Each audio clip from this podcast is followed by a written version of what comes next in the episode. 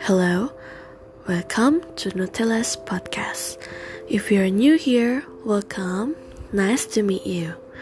I'm Natalie. I was born and raised in Indonesia, so I'll be hosting this podcast in two languages, which is English and Indonesian. Both will have a different topics.